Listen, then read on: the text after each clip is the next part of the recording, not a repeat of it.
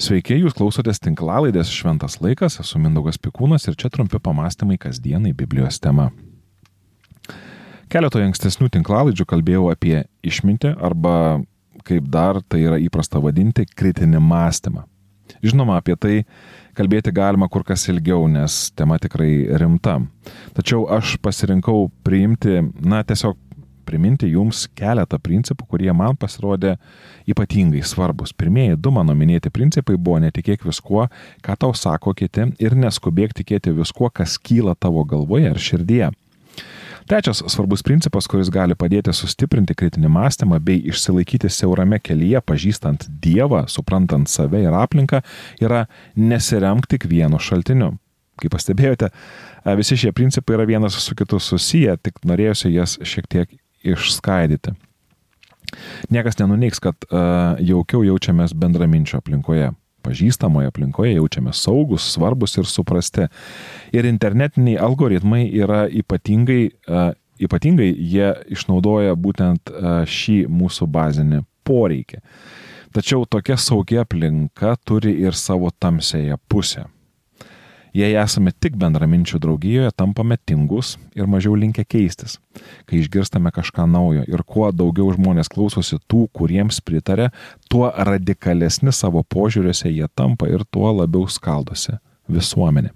Ir kaip minėjau, internetiniai algoritmai čia tikrai padeda žmonės uždaryti būtent tokiuose bendruomenėse arba informaciniuose burbuluose. Todėl reikia išmokti praktikuoti pasivaikščiojimus ir iš savo asmeninio informacinio burbulo. Nebūtinai pradėti kažką labai radikalaus, pavyzdžiui, kasdienėme gyvenime, jei tau patinka kino filmai ir šeimininkauti, pavyzdžiui, virtuvėje. Tai nenobodžiauk, jeigu tavo draugas, na, kalba apie futbolą ir investicijas. Pabandyk pasidomėti savo draugo gyvenimu. Jei tai jums yra artimas žmogus, pavyzdžiui, galite paprašyti pagalbos finansiniuose klausimuose arba kartu pažiūrėti futbolo rungtynes ir pamatysit, kaip tai jūs praturtins bei praplės jūsų akiratį. Pavyzdžiui, mūsų šeimoje mano žmona yra atsakinga už kultūrą. Na, kultūros ministrė mes ją taip vadiname. Ji domisi, perka bilietus ir organizuoja apsilankimus visokiuose festivaliuose, operos ir baleto teatruose ir parodose. Mūsų vaikai dažniausiai burbuliuoja, nes toks Kristinos, mano žmonos elgesys, juos vilioja iš jiems pažįstamo burbulo. Tačiau neįmanoma plėsti akiračio ir pažinti save, jei saugomės aplinkos poveikio ir neįvertiname žmogaus nuodėmingo polinkio tuo metu gyventi tik savo įsivaizdavimo šviesoje. Jau mano anksčiau nekartą minėtas Saliamonas rašė, be patarimo tauta pražūsta, daug patarėjų suteikia saugumą. Patarlių knyga 11 skyrius 14 eilutė. Čia yra minimas žodis patarimas. Um, jis yra naudojamas ir kalbant apie laivo vairavimo mechanizmą, kai turima omenyje na, laivo valdymas. Taigi, be navigacijos, jei taip galima būtų pasakyti, tautos pražūsta, be nukreipimo žmonės pasiklysta. Tada vėl grįžtant prie Saliamono žodžių, pastebėkite, kad Saliamonas sako, jog patarėjų gausoje yra saugumas. Be abejo, esate girdėję posakį daug auklių ir vaikas be galvos. Žinoma, kad gali nutikti taip, kad bus sunku apsispręsti, ką pasirinkti, kai per daug e, yra tų patarėjų aplinkui. Bet manau, kad čia svarbiausia yra turbūt ne patarėjų skaičius, o ką mes pasirenkame patarėjais. Ir kad reikia ne vieno patarėjo. Saugumas, kuris visiems yra labai svarbus, yra ten, kai sprendimą priimame arba kelią pasirenkame pasirinkę arba pasitarę pasirinkti su daugeliu. Ir nebūtina tai um, privalo būti žmonės šalia mūsų esantis. Tai gali būti ir knygos, ir mokymai, ir kelionės, ir paskaitos, ir kino filmai netgi. Pamenu, kai mokiausi universitete, raičiausi kaip koks žaltys, kai reikėdavo rinkti knygas bei straipsnius mano pasirinktą temą ir skaityti mintis tų, tų kurie, na, kuriems aš, na, tuo momentu, na, nepritariu. Ir vienos konsultacijos metu mano dėstytojas pamatė mano tokį nejaukumą ir perskaitęs e, mano SS, e, mano darbo juodraštį, pasakė, kad akademinių studijų tikslas nėra susilpninti mano tikėjimą, o greičiau sutvirtinti jo pamatus, atmetus tai, kuo buvo patikėta e, nepagristai arba lengvabūdiškai, naiviai, bei suteikti galimybę suprasti, kodėl tikiu arba netikiu vienu ar kitu dalyku. Kitoje vietoje Saliamonas, tas pats Saliamonas rašė, kad Tas atrodo teisus, kas pirmas ateina į teismą, kol ateina jo priešininkas ir būna apklaustas. Patarlių knyga 18 skyrius 17 eilutė. Niekada nesiremkime tik tais vienu šaltiniu ir leiskime, įsileiskime kitą žmogų, įsileiskime kitus žmonės, leisdami jiems praturtinti mus, kur mes galbūt natūraliai ir neįtume.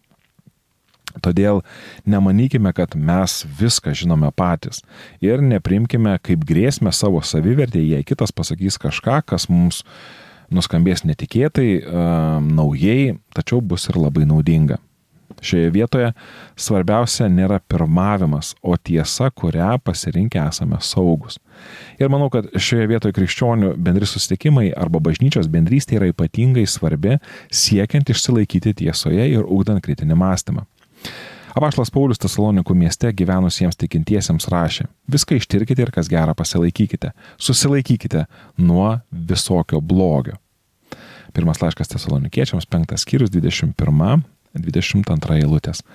Pasak Pauliaus, kiekviena idėja turi būti kritiškai patikrinta. Toks įprotis praktikuojamas padės atskirti gėrį nuo blogio. Kitai žodžiai tariant, toks kritinis mąstymas padeda įvardinti Dievo įkveptas mintis ir tas, kurios prieštarauja Biblijos išdėstytam mokymui. Na, o tada ateina metas apsispręsti, kaip reikėtų tinkamai gyventi.